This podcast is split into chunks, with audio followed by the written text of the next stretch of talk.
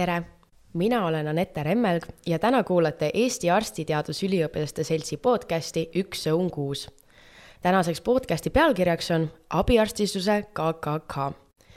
abiarstina saavad töötada neljanda kursuse edukalt lõpetanud arstitudengid, kuid kõige suuremaks probleemiks on, et tegelikkuses ei eksisteeri abiarsti õigusi ja kohustusi reguleerivat dokumenti töötavat tööpakkumisi sisaldavat andmebaasi ega abiarstindust tutvustavat isikut selle tõttu on abiarstinduse amet üsna ähmane ja infot saab vanemate tudengite käest justkui rahvapärimusjuttudena. täna olemegi külla kutsunud abiarstinduse projekti juhi ja viienda kursuse arstitudengi Liisa-Maria Kerneri, lisaks Hiiumaa perearsti ja Eesti Perearstide Seltsi juhatuse liikme Helve Kansi ning viimaks Valga haigla ravijuhi ja Eesti Arstide Liidu liikme Neve Venti. tere! tere! tere ja aitäh kutsumast! Väga tore. Nonii, aga nüüd kujutamegi ette sellist hetke, et mina olen neljanda kursuse tudeng ja peagi hakkan nüüd lõpetama. mistõttu tuleb selline huvitav etapp ette, et mina saan töötada abiarstina. ja siis tekibki küsimus, et kuidas ma selle töökoha üldse leian. et kas ma peaksin haiglaid hakkama läbi kirjutama, helistama või mis see esimene samm oleks abiarstinduse projektijuhina võin öelda, et me oleme sellest nagu probleemist teadlik, et arstitudengitel on üsnagi raske leida endale seda töökohta. et me praegult olemegi sellega tegelemas, et saaks neid pakkumisi võimalikult edukalt edastada. et esimese soovitusena ma soovitaksin vaadata vaab.ee et sealt võiks leida täitsa mõningaid pakkumisi mis on tulnud kas siis perearstikeskustest või siis haiglatelt, et me üritame võimalikult äh, paljudele siis äh, tervishoiuasutustele seda reklaamida, et nad oma tööpakkumisi sinna edastaks. küll aga see ei ole veel nii edukalt käima läinud, mistõttu praegult ongi vast kõige mõistlikum siis otsida üles äh, siis huvipakkuva osakonna juhataja või siis perearstikeskuse perearst kellele siis äh, meil teele saata, võimalusel ka helistada ja uurida, kas, kas saab töökohta abiarstina aga kuidas nüüd tööandja või äh, juhendaja vaatevinklist, et kuidas teieni on siiani pöördutud või kuidas teie seda ise eelistaksite? et äh, kõige õigem on siis helistada või tähendab kirjutada, kas siis haigla ravijuhile või siis tõesti osakonna juhi, juhile ja tegelikult oma kogemusest võin öelda, et tegelikult seda tuleb teha juba alustades neljandat kursust. sest äh, praegusel hetkel ma võin öelda, et Valga haigla abiarsti kohad täitusid juba detsembrikuus. Nii et äh, kui siis tuleb mõte alles äh, märtsis või aprillis, et ma tahaksin saada suvel abiarstina tööd, siis suure tõenäosusega enam kohta ei leia, sest põhiprobleem on ikkagi juhendajates et me peame siiski igale abiarstile leidma ka juhendaja. ja, ja see juhendamine ongi teema. et äh, kui perearsti juurde nüüd tuleb abiarst, kes on neljanda kursuse lõpetanud, kes on muidu to-, tore ja tubli noor inimene, aga tal puudub täiesti kogemus perearsti juures töötamisest. et see tähendab seda, et äh, ma võtan äh, tudengi oma palgale ja ma maksan selle eest, et ma õpetan teda, et praegu on ju nii kõigepealt me peame vaatama üleüldse, kuidas, kuidas see perearstitöö sujub. nii-öelda vaatlejana saab olla abiarst. nii et äh, juhendajale ta ju kasu ei too. Äh, edaspidi saab ju edasi minna juhendamisega ja alles siis võib-olla lõpuks on see, kus, äh, kus abiarst saab iseseisvalt tööd teha. nii et see kõik võtab aega ja selles mõttes ei ole ta olnud praegu motiveeriv perearstidele. et see on äh, on võetud nagu kas siis missioonitundest, äh, võib-olla ka noh, näiteks minu missioonitunne on see, et saada ka äh, tudengeid vaatama näiteks Hiiumaale ja varasemalt ma töötasin Viljandimaal, nii et äh, see on lihtsalt missioonitundest. Aga te juba mainisite, et siin käis perearstikeskus läbi, ma eeldan, et kui Valgast me räägime, siis me räägime erakorralisest meditsiinist, et EMO vastuvõttu, et aga kuhu osakondadesse üldse tasuks minna? Jah, ja mis on üldse valikud tegelikult valikus on äh, kõik osakonnad. Äh, suvisel perioodil tõenäoliselt ei ole ka tudengitel probleemi, selles mõttes, et nad saavad töötada esmaspäevast reedeni ja olla siis nagu igapäevaselt tööl. küll aga tõesti need abiarstid, kes soovivad edasi jääda tööle, siis suure tõenäosusega nad saavadki olla tööl kas siis tõesti erakorralise meditsiini osakonnas või siis ka nendes osakondades, kus töötab ööpäevaringselt valvearst, selleks et tal oleks siis äh, juhendaja olemas et, et see tõenäoliselt äh, ka natukene kitsendab seda olukorda. aga kindlasti ei, äh, ütleme, kogemuste seisukohalt ei ole vahet, millisesse osakonda tööle minna. ja muidugi teine, kuhu kindlasti soovitan minna, on just nimelt üldhaiglad äh, või väikesed maakohad, sest suurhaigla on ees residendid on ees värskelt lõpetanud e-, eriarstid et siiski nendel on suurem tõenäosus saada nii patsientidega kätt valgeks kui ka, kui ka siis ütleme muude tegevuste juures. et selle tõttu, et kui te soovite saada tõelist kogemust, siis tuleb minna just nimelt maale aga kuidas on näiteks spetsiifilisemate erialadega nagu radioloogia või siis spordimeditsiini arst? Radioloogia poole pealt ausalt öeldes ei ole mulle siiani tulnud ühtegi pakkumist. Aga ei ole probleemi, sellepärast et kõikides maakonna haiglates on olemas nii kompuutrid, ähm, röntgenid, ultraheli, et äh, ja ütleme nii, et võib-olla isegi kahel kolmandikul ka juba magnet et seetõttu tegelikult ka radioloogiasse saab, aga tõesti, ükski neljanda kursuse tudeng ei ole veel palunud kohta radioloogiasse ilmselt see on võib-olla sellepärast ka, et kliiniline radioloogia on vist äh, viiendal kursusel, et osa radioloogiat on läbitud siis kolmandal, aga, aga jah, okei okay., aga kuidas on, kuidas te kirjeldatakse seda vastutuse varieeruvust erinevates osakondades, et siit meil käis läbi EMO, meil käis läbi perearst, et perearstil on äh, justkui sellest tudengist ei ole alguses üsna palju kasu, et seal on rohkem just see lisatöö nagu koorem. Äh, kui nüüd juhendamine oleks võib-olla riigi poolt kuidagi tasustatud, siis põhimõtteliselt äh, iga veedetud tund tudengil perearsti nii-öelda kabinetis annaks aimu, mis amet see on ja võib-olla hajutaks ka niisugused äh, nagu libamõtted, et perearst on see viimane, mida ma lähen õppima, et äh, perearstid on kõik rumalad et tegelikult, kui äh, olla abiarstina kusagil edukas ja heas keskuses või ka lihtsalt sellise väga tubli maaperearsti juures, siis, siis see avab ikka väga palju silmad. et äh, perearstindus on tegelikult väga-väga huvitav ala, mina olen selle täielik fänn, äh, sest teha saab kõike teha saab kõike ja ütleme ausalt, et nii mõnegi, nii mõnigi tudeng, kes on tegelikult nagu tudengieas selle ära näinud, on nagu muutnud seda vaadet ja tõesti valinudki just sellepärast perearsti kutse, et tal ei ole enne olnud sellega kokkupuudet. ja kahjuks on ta kuulnud, et, et see on viimane asi, mida valida. aga koha peal ära, ära nähes seda, saab sellest ka aimu. kuid muidugi, mm, kui sattuda võib-olla näiteks ka siis pereõe asendajaks või perearsti asendajaks ilma juhendamiseta ja sa oled alles neljanda kursuse lõpetanud, siis see võib muidugi ära ehmatada, et noh, seda me ei sooviks ja sellepärast see juhendamine võikski olla nagu ikkagi ka tasustatud, et tekiks neid motivatsioone, mitte ainult missioonitundest aga kui ma siin töötan arstina äh,, abiarstina äh, mõnes osakonnas, mis on siis minu peamised ülesanded? perearsti juures ülesanded, see oleneb tegelikult sellest, milline on see kogemus juba olnud et äh, kui on juba võib-olla selge see, mis seal perearsti kabinetis üldse toimub, siis, siis saab ju ka tegelikult äh, vaatleja rollist juba kaugemale minna, et saab ka tegeleda juba patsiendiga, et kas võtta anamneesi, võib-olla võtta ja täita küsimustikke, äh, vaadata raviskeeme üle, ühesõnaga patsiendiga on alati midagi teha kindlasti ei saa see toimuda nii, et seal see lõpebki, et juhendaja või, või siis sellesama mm, Praxise perearst ei näegi, mis seal toimunud on, vaid seda kindlasti tuleb ka hiljem siis arutada.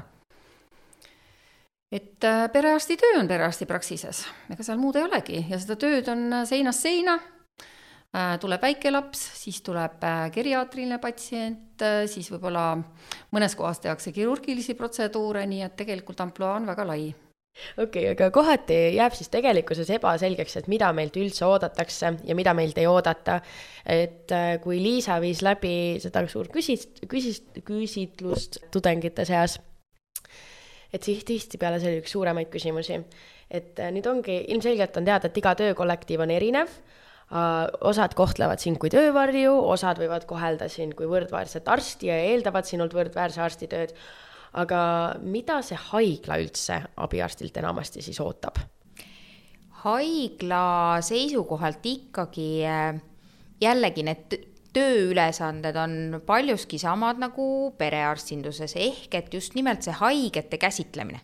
haigete anamneesi võtmine, nende objektiivse leiu hindamine ja siis selle arutamine siis koos oma juhendajaga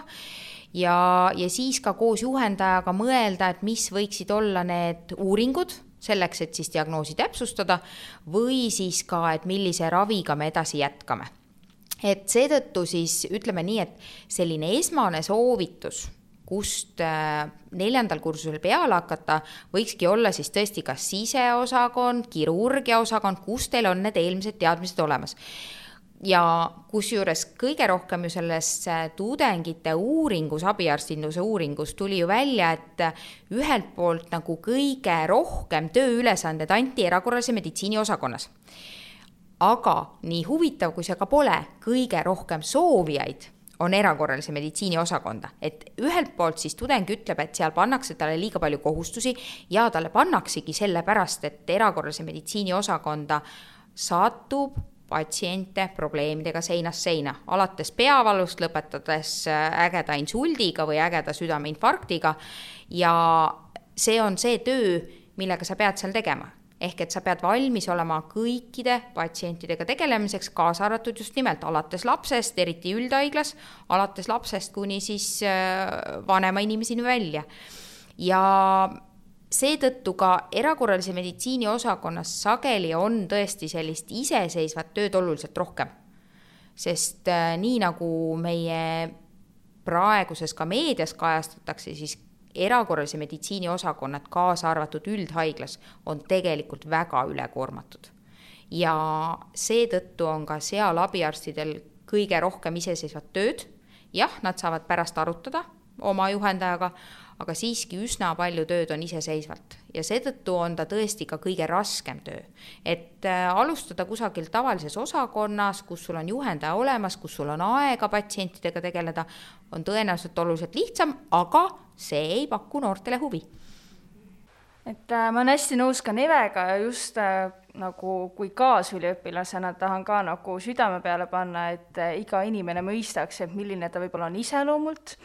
ja, ja milleks ta on ise võimeline, et, et tegelikult peale neljandat kursust sinna erakorralise mm, meditsiini osakonna, osakonda minnes peab olema üsnagi tugev iseloom ja, ja, ja julgus küsida ja julgus tunnistada, et ei tea, et nagu Neve ütleski, et siis tihtipeale võidki üksi jääda selles olukorras.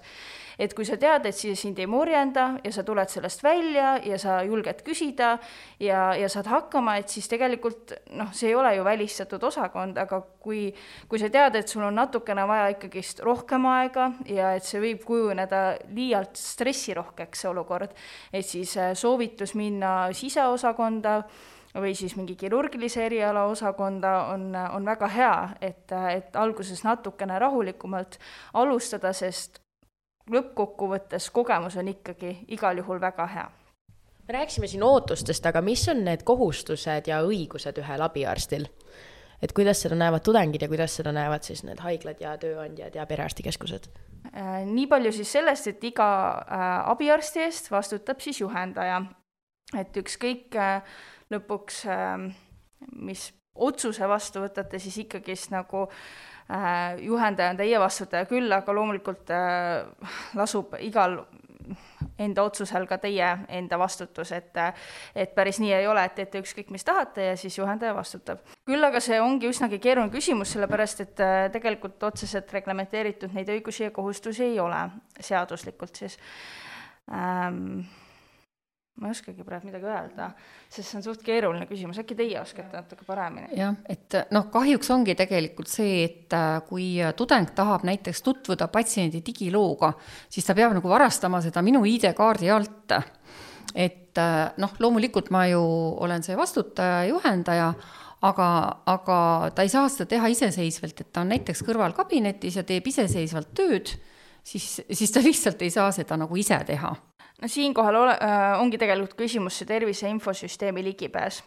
et tegelikult abiarstidele on loodud siis ligipääs, et see on äh, kättesaadaval siis äh, meie kõik, no kõigis haiglates äh, Eestis, et selle osas me uurisime ka äh, sellel talvel ja saime vastused kõikidelt haiglatelt, suurtematelt haiglatelt, et ligipääs on olemas arstitudengitel siis enda isikliku isikukoodiga küll aga siis äh, on alati vajalik siis äh, valida endale juhendaja seal programmis. aga ma tean, et just selle perearstikeskustega on suur probleem, et kuna esiteks kasutatakse väga palju erinevaid programme perearstikeskustes, siis sinna ei ole nii hästi ühildatud see võimalus, et abiarst sinna lisada, et kui haiglates tegeleb sellega siis äh, infosüsteemi enda inimene, et tegelebki IT-spetsialist, sellega siis äh, perearstil ei ole sellist võimekust ja seetõttu võib ka olla ka selline olukord, et, äh, et päris enda nime alt perearstikeskuses ei tehtagi tööd, küll aga me töötame selle nimel, et, äh, et see oleks nii, nagu praegult haiglates ka on, et ikkagist iga abiarst töötab enda nime alt, aga, aga siis on alati juhendaja ka sealsamas digiloos kirjas. Ja siinkohal tegelikult on kindlasti vaja sellel tervishoiuasutusel ehk siis tõenäoliselt ka perearstikeskusel, et äh, selleks üldse, et see tudeng need õigused saaks, tuleb ta siis registreerida tervishoiukorralduse infosüsteemis. ja kui tema nimi on sinna infosüsteemi sisestatud, see tavaliselt võtab niisugune üks-kaks päeva aega siis peale seda tegelikult saab meie siis tõesti see andmehaldur või saab ta lisada siis juba nii, et ta näeb tõesti neid digiloo andmeid. aga kõige olulisem on see, et kõik abiarstid peavad olema registri-, registreeritud jah, perearst ei saa nagu panna sinna süsteemi, kui ei ole veel lõpetanud arstikoodi paraku, et noh, lihtsalt, lihtsalt see on nii, jah aga kuidas te näete, et kuidas perearstikeskustes seda probleemi lahendada, et ongi nii-öelda varasta-, ID-kaardi varastamine või kuidas, kas teil on mingeid muid lahendusi pakkuda välja või ongi see paratamatu asi, millega loodetavasti, et äh, lahendatakse mingi infosüsteemi lahendus? noh, kuna tegelikult ju perearsti juures ollakse kaks kuud, eks ole, kui ei ole veel lõpetanud siis ei, siis see on nii väike aeg, et äh, see võib-olla kulubki tegelikult pigem selliseks vaatluseks ja niisuguseks äh, ikka, ikkagi täiesti juhendajal sabast kinni olemisel. et, äh, et see ei ole nagu võib-olla, vähemalt mina ei ole näinud, et ta nüüd oleks probleemiks, aga tõesti, kui ikkagi tahta, et ka perearsti juures nagu iseseisvamalt tööd teha, siis see muidugi on probleemiks no kokkuvõttes tegelikult on ju, kui me nüüd kasutame kellegi teise andmeid, on, on see ikkagi meie jaoks äh, andmekaitse seisukohalt äh, väga raske rikkumine. ja just selles osas, et äh, nii mõnigi kord on noorel kolleegil tahtmine vaadata mitte ettenähtud andmeid, et äh, me küll räägime alati tudengitele, et seda teha ei tohi, et sa võid vaadata ainult neid andmeid, mis patsiendiga sa tegeled, aga just seesama, pärast on perearst ise olukorras, kus ta peab vastust andma, et ta tegelikult omast arust ei ole uurinud patsiendi andmeid, aga kuna see kasutatud on tema ID-kaarti, siis märk on tema nime peal, mitte selle noore tudengi peal, nii et, et selles mõttes igal juhul me peame jõudma selleni, et kõik oleks korrektne ja tudengid teeksid tööd oma nime all. jaa, see on täiesti õige, sellepärast et noh, kui, et siit tulebki see esimene nüüd see teadmine, et see andmekaitse on ikka väga oluline. no eks seda juhtub ju haiglaski, eks ole, et mõni õde kipub sealt arsti ID-kaardi alt nagu vaatama, aga noh, see ongi see koht, kus saab nagu sellest hästi palju nagu rääkida. et see ei ole lihtsalt niisama, et sul on nüüd võõras ID-kaart ja sa vaatad kõike, mis huvitab, et äh, noh, nii lihtsalt on. et siit kasvab see teadmine ja, ja ma lisaksin äh, veel juurde, et tegelikult ähm, tuli ka küsitlusest välja et, et viiskümmend protsenti meil abiarstidest ei omanud äh, ligipääsu digiloole ja enamik vastanutest ikkagist töötasid haiglates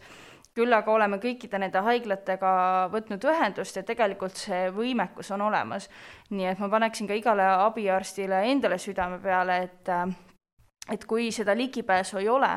siis pöörduda oma otsese juhi poole, osakonnajuhataja poole ja edasi ka siis IT siis spetsialisti juurde, kes haiglas on, et see ligipääs, ligipääsu saaks. sest tegelikult see võimekus on olemas, et tuleb lihtsalt siis näidata enda huvi üles, kui lihtsalt ei ole võib-olla veel seda ligipääsu tehtud. ma põigaks korra tagasi sinna juhendajate juurde, et äh, nüüd, kui juhtubki selline olukord, et äh, tudeng on justkui peataolekus, tal on vaja ilmselgelt juhendajat ja, ja ta ei, tegelikult võib-olla ei ole nagu nii alti küsima, sest et ta lihtsalt ei tea, mis määral on või mis on ta õigused nagu juhendaja osas, et aga et siis siit tulebki küsimus, et mis on need juhendaja ülesanded, mil määral ta peab kindlasti kohal olema, me saime aru, et perearstikeskuses on see rohkem sarnane töövarjutusele äh, võrreldes EMO näiteks tööga. et äh, kuidas te seda kommenteeriksite? Üldiselt jälle ongi niimoodi, et tõenäoliselt see kõige väiksem juhendamise pool ongi erakorralise meditsiini osakonnas, eh, mis võib siis olla nii, et, et abiarsti või abiarstil ei ole juhendaja kättesaadav siis mitte selles samas osakonnas või siis vaid kusagil teises osakonnas, eks ju, et, et kutsumisel. et noh, siinkohal ma panen alati südamele selle, et ju, et abiarsti ülesanne on konsulteerida iga kord oma juhendajaga mm, ühest küljest see annab temale äh, sellist nagu laiemat silmaringi, ta annab talle kinnitust, et jaa, tema mõtted on olnud õiged, et me läheme siit edasi. ja, ja ühest hetkest siis tõesti on see, et kui on juba töötatud äh, kuid või pool aastat või ka aasta, siis tekib see kogemus. ehk et sa sellistel tavapärastel situatsioonidel saad ise hakkama, sest noh, võttes ka ju erakorralise meditsiini statistikat, ainult kümme protsenti on erakorralised. ehk et üheksakümmend protsenti juhtudest hakkab sul ikkagi korduma, sa tead seda. küll aga on nüüd oluline tõesti see, et kui sul on kümnes, kümme kõhuvalu, siis sa pead leidma selle ühe kõhuvalu, millel on tõsine põhjus et, et selles mõttes see kogemus tuleb üsna ruttu, sest ma mäletan ka enda, enda alustamisest, mina olen ise ka alustanud, siis veel küll abiarsti ei olnud, aga, aga samamoodi pär, kohe pärast neljandat kursust alustasin maakonnahaiglas. Ja siis ma mäletan oma esimest kahte nädalat, kui ma lihtsalt iga patsiendi puhul istusin õdede postis ravimkapis ja mõtlesin, vaatasin neid nimesid ja otsisin, noh, sel ajal ei olnud ka veel ju internetti, pidin võtma selle raamatu ja aru saama siis, et äh, kui selle ravimi nimi on betaloksokk, siis mis on selle ravimi toimeaine, mis puhul teda määratakse? Et selles mõttes, et see, see, selle koha pealt ma kujutangi ette, et ka praegusel abiarstil esimene ülesanne on istuda ravimkapis sest hetkel on neid nimetusi veel rohkem, aga toimeaine on üks ja seesama. et ehk, et teha endale kindlaks, missugune ravim missuguse haiguse korral siinkohal lisaksin ka, et tegelikult ongi hästi hea, kui on see abiõe kogemus all olemas, et mina töötasin aasta aega enne abiarstiks olemist ka abiõena ja sain tänu sellele üsna hästi need ravimid ja just ravimi nimetused, mida on mustmiljon, enam-vähem, enam-vähem selgeks, et see on selline lihtsalt võib-olla hea soovitus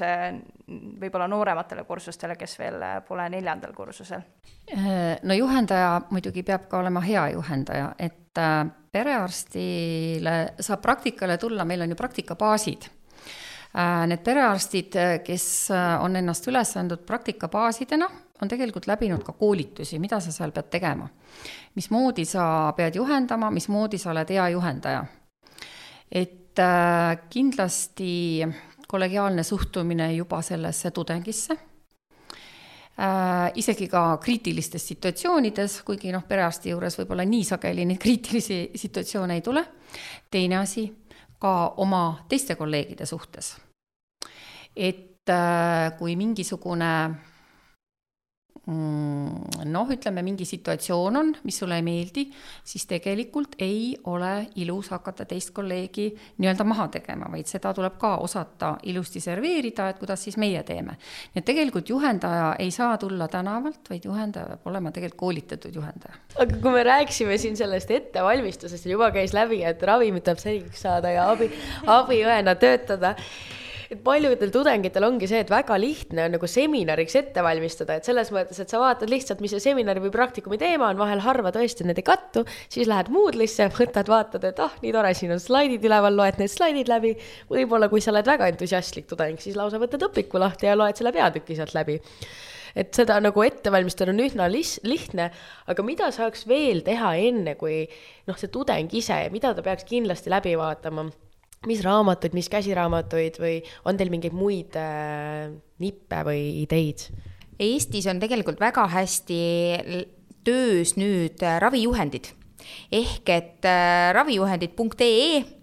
on olemas äh, kaasajastatud äh, juhend äh, mis on just nimelt meil nagu igapäevaselt kõige olulisemate haiguste korral või nende diagnoosimise korral,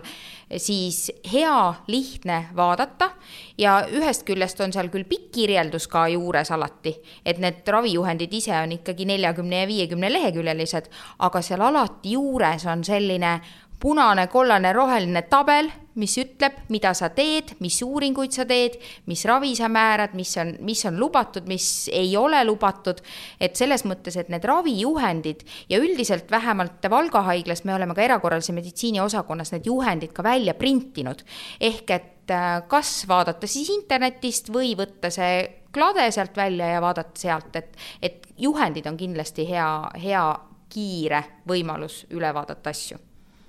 jah, ja kui enne, enne ei jõua, neid on tõesti palju, siis pigem on see, et kui situatsioon ette tuleb, siis saab ju alati vaadata ravijuhendit, eestikeelset. noored vaatavad ka igasuguseid muid asju, mida võib-olla vana juhendaja vahest ei oskagi vaadata, eks ole, küsib ise tudengi käest, et kuule, mis sa sealt head leidsid. aga jah, et, et nii ta on, ikkagi selline tõenduspõhine materjal peab olema kohe käepärast jah, ma võib-olla oskan rohkem soovitada siis, kui juba tööle minna, et äh, enne ongi natukene keeruline niimoodi ette valmistada, pigem lihtsalt ennast ette häälestada, eelhäälestada sinna tööle minekule, aga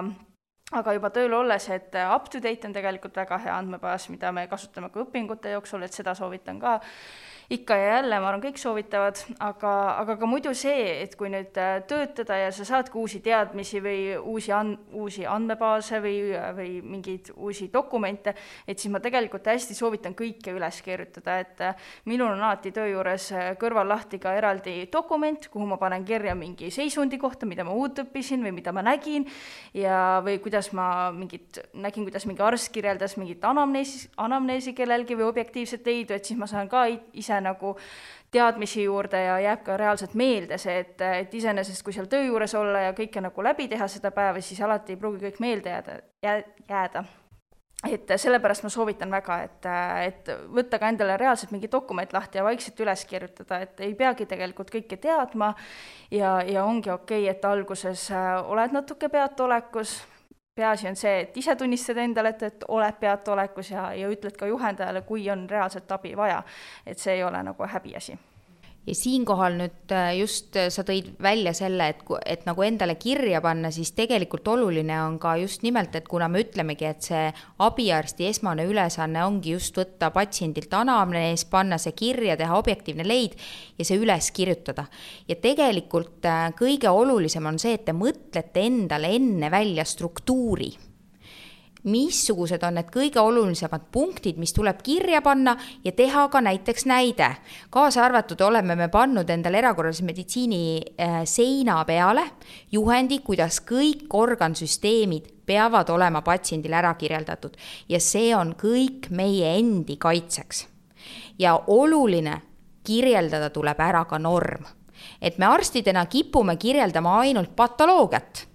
aga kui tekib mingisugune vaidlus siis praegusel hetkel need kohtuvaidlused, mis on olnud, on just olnud seetõttu, et norm on jäetud kirja panemata ja mitte keegi ei saa öelda, et see oli normis. ehk et pange kõik ilusti pikalt kirja ja mõelge välja, milline on see struktuur. et alates tõesti anamneesist äh,, haiguse anamneesist, kaebustest, elu anamneesist kuni siis ka objektiivse leiuni kõikide organsüsteemide kaupa jaa, et ma olen hästi nõus siin Nevega ka, et et pigem võttagi see aeg, et see on arusaadav, et ei jõua nii kiiresti, võib-olla just erakorralises osakonnas äh, toimub nii palju ja peaks igale poole jooksma ja patsiente mustmiljon, siis tegelikult on okei okay võtta endale see aeg ja rahulikult kirjutada see lugu valmis. Ja, ja kas see võtab isegi pool tundi, ei ole hullu, et tegelikult peaasi on see, et kõik oleks ikkagi korrektselt ja korralikult äh, kirja saanud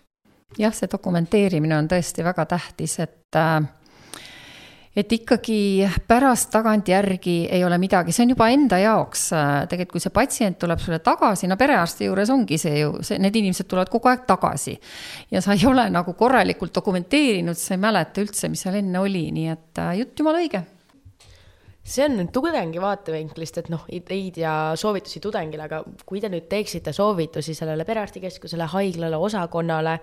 et eh, noh, me kuulsime juba, et te olete seina peale pannud täitsa, et kuidas kirjeldada kõik organsüsteemid ilusti ära, et see on nagu väga hea nipp, et kas teil on veel mingeid ideid, et ju, oletame, et nüüd juhtub kuulama seda mõni osakonna arst või õde. No minu arust juba enne sai ilusti ära öeldud, et tegelikult kõik juhendajad peaksid läbima meie täienduskeskuse poolt äh, juhendamise koolituse, nii tudengitele kui ka siis residentidele mõeldud koolituse, et äh, sealt tuleb päris häid äh, nippe, kuidas see juhendamine teha endale võimalikult kiireks ja, ja lihtsaks, kaasa arvatud, kuidas perearstikeskuses äh, ka tõesti juhendatavaga rääkida pärast patsiendi lahkumist kabinetist minuti või kahe jooksul ära, et mis olid need peamised probleemid ja mis edasi teha et seetõttu kindlasti see, et nad oleksid läbinud selle juhendamise koolituse, jah, see tegelikult on meie arstide, eriti, äh, eriti ütleme haiglates, see meie vanemad kolleegid ei ole väga altid neid juhendamise koolitusi võtma, aga see on äärmiselt vajalik. Ja teine tõesti, et, et nendes osakondades oleks läbi mõeldud, et milleks me soovime saada endale abiarsti, mis on tema ülesanded, kas me julgeme teda üksi jätta, kus ta saab abi, et need asjad oleksid nagu ka tõesti läbi räägitud ja arutatud. Jah, perearstikeskuses on hea seesamane perearst, et ma lihtsalt olengi tema sabas. Ta ei saa kuhugile ära kaduda, et tema käest või tähendab, ütleme minu käest siis, minu käest saab ju alati küsida ja me saame koos arutada, et noh, minu kogemus ongi see, et me olemegi lihtsalt kogu aeg kõrvuti olnud või siis, või siis,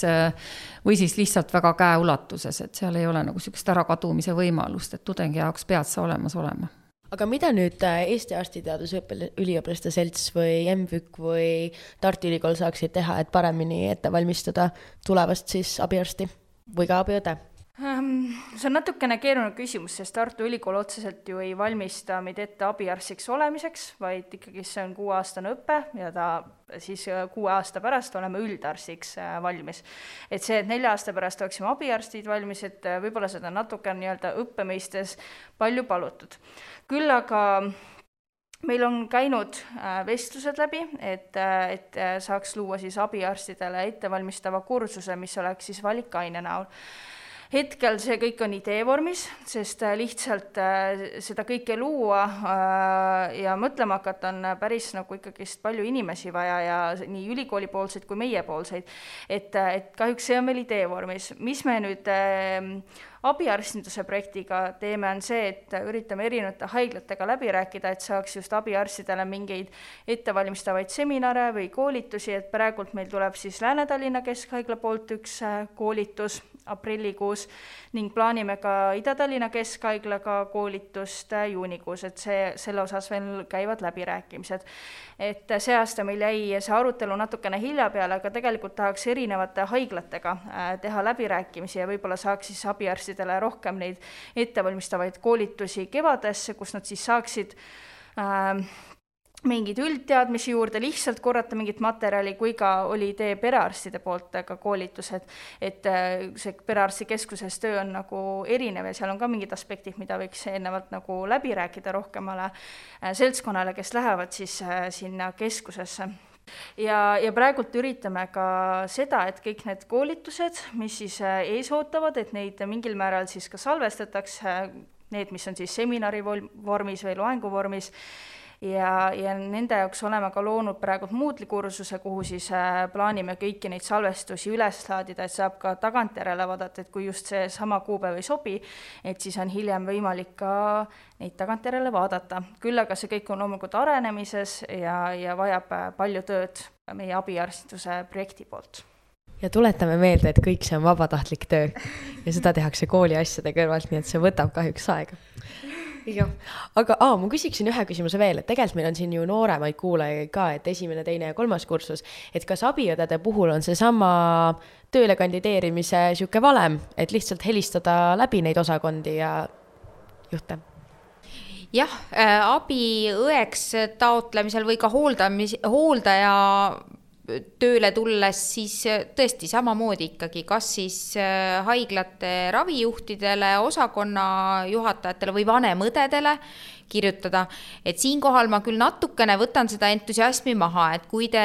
kui te juba tõesti soovite kandideerida hooldajana, äh, et siis on suur tõenäosus, et te saate ka edasi abiõena tööle. et, et praegusel hetkel kui ise oled tudeng ja mõtled, et mi, miks nad ei taha mind abiõena tööle võtta, siis nüüd olles siis nagu tööandja, saan ma sellest aru, sest äh, arstitudengit saab kasutada abiõena ainult ühe aasta, millest siis neli kuni viis kuud ta õpib. ehk et see õpetamisprotsess jällegi vajab juhendajaid, vajab äh, õppimist, ta on alati lisaliige, et tegelikult pigem on ta selline tööandjale kulumoment suurem kui sellest edaspidi saadav äh, tulu, nii et äh, pigem me siis juba praegusel hetkel oleme võtnud suuna, et me võtame nad assistendiks et siis neid juba hakata kolmandalt kursusest alates välja koolitama, et ta neljandal kursusel lõpetades tuleb juba abiarstina tööle et selline järjepidevus, eks ole, et kui mulle tuleb Hiiumaale abiõeks, siis ta tuleb abiarstiks, siis ta tuleb juba residendiks, et see tegelikult on ju väga tore. et kut-, et kutsume ikka maakohtadesse tulema, et ei pea kõik olema suures linnas, et mina ise läksin ju ka sellepärast maakohta, et seal on nii äge lihtsalt nii armas nii tore. jah. kas teil on midagi veel, mis te sooviksite lisada seoses selle abiarstinduse teemaga? mina küll sooviksin öelda kõikidele tudengitele, kes siis lähevad abiarstina tööle, et nad alati tutvustaksid, kes nad on. et, et öeldagi, et nad on abiarstid ja et nad on hetkel tudengid, et kõikidele patsientidele, kelle, kellega me suhtleme siis või kellega kokku puutume, et nendele oleks arusaadav see, et kes neid tegelikult ravib ja kes nendega tegelikult räägib. Ja et tekiks üldiselt ühiskonnas arusaam, et abiarst võrdubki siis üliõpilane, arstiteaduse üliõpilane. Et ähm, ja samamoodi ka dokumenteerimisel, et saaks ka abiarst äh, kirja, et kui sa oled anamneesi võtnud ja lõpetad näiteks epikriisi, et minul näiteks ei tule automaatselt siis see äh, abiarstina kiri sinna või minu nimi sinna alla, et ma alati panen ka enda nime alla epikriisi lõppu, et oleks arusaadav, et mina olen tegelenud selle patsiendiga kui abiarstina, kui siis arstiteaduse üliõpilasena minu arust äh, päris hästi olete viimase aastaga ära koolitanud, et, et selles mõttes, et kui enne oli tõesti see, et noh, et, et mindigi tõesti jutuga, et abiarst, siis nüüd kirjutataksegi kaasa arvatud dokumentatsiooni kirjutatakse ilusti, et, et äh, üliõpilane, abiarst, see ja see ja see. Et äh, siin on ju olnud ka suur vaidlus sellel teemal, et kas me võime kasutada nime abiarst, aga arsti assistent on tegelikult sekretär ehk et me ei saa teda panna arsti assistendiks, et ma arvan siiski, et see abiarst on ikkagi hea termin, mis on juba käibele läinud ja, ja lihtsalt tõesti sinna käib juurde, et see tähendab seda, et ma olen tudeng aga sellisel juhul suur aitäh kuulamast ja suur-suur aitäh meie külalistele, et kaugemalt ja lähemalt siia kõik kohale sõitsite. ja järgmise korrani. ja aitäh kutsumast, head aega. aitäh kutsumast, head aega. aitäh ja nägemist